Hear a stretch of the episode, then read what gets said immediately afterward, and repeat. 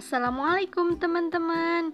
Kenalin nama aku Daniela Rizkita Aku berumur 17 tahun dan duduk di bangku kelas 3 SMK Aku adalah anak pertama dari tiga bersaudara dan hidup di keluarga yang sederhana.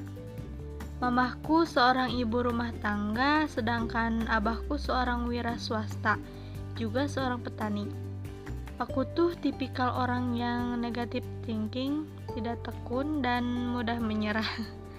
Tapi aku bersyukur karena orang tuaku selalu memberikan semangat agar tetap optimis. Cita-citaku dulu pengen banget jadi pilot, tapi karena suatu dan lain hal, aku gak bisa masuk ke sekolah penerbangan.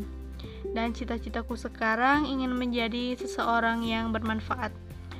Oh iya, tujuanku bikin podcast ini untuk sharing cerita-cerita menarik dan pengalaman hidupku, juga sharing sedikit ilmu yang aku tahu. So, tunggu podcast aku selanjutnya ya. Assalamualaikum.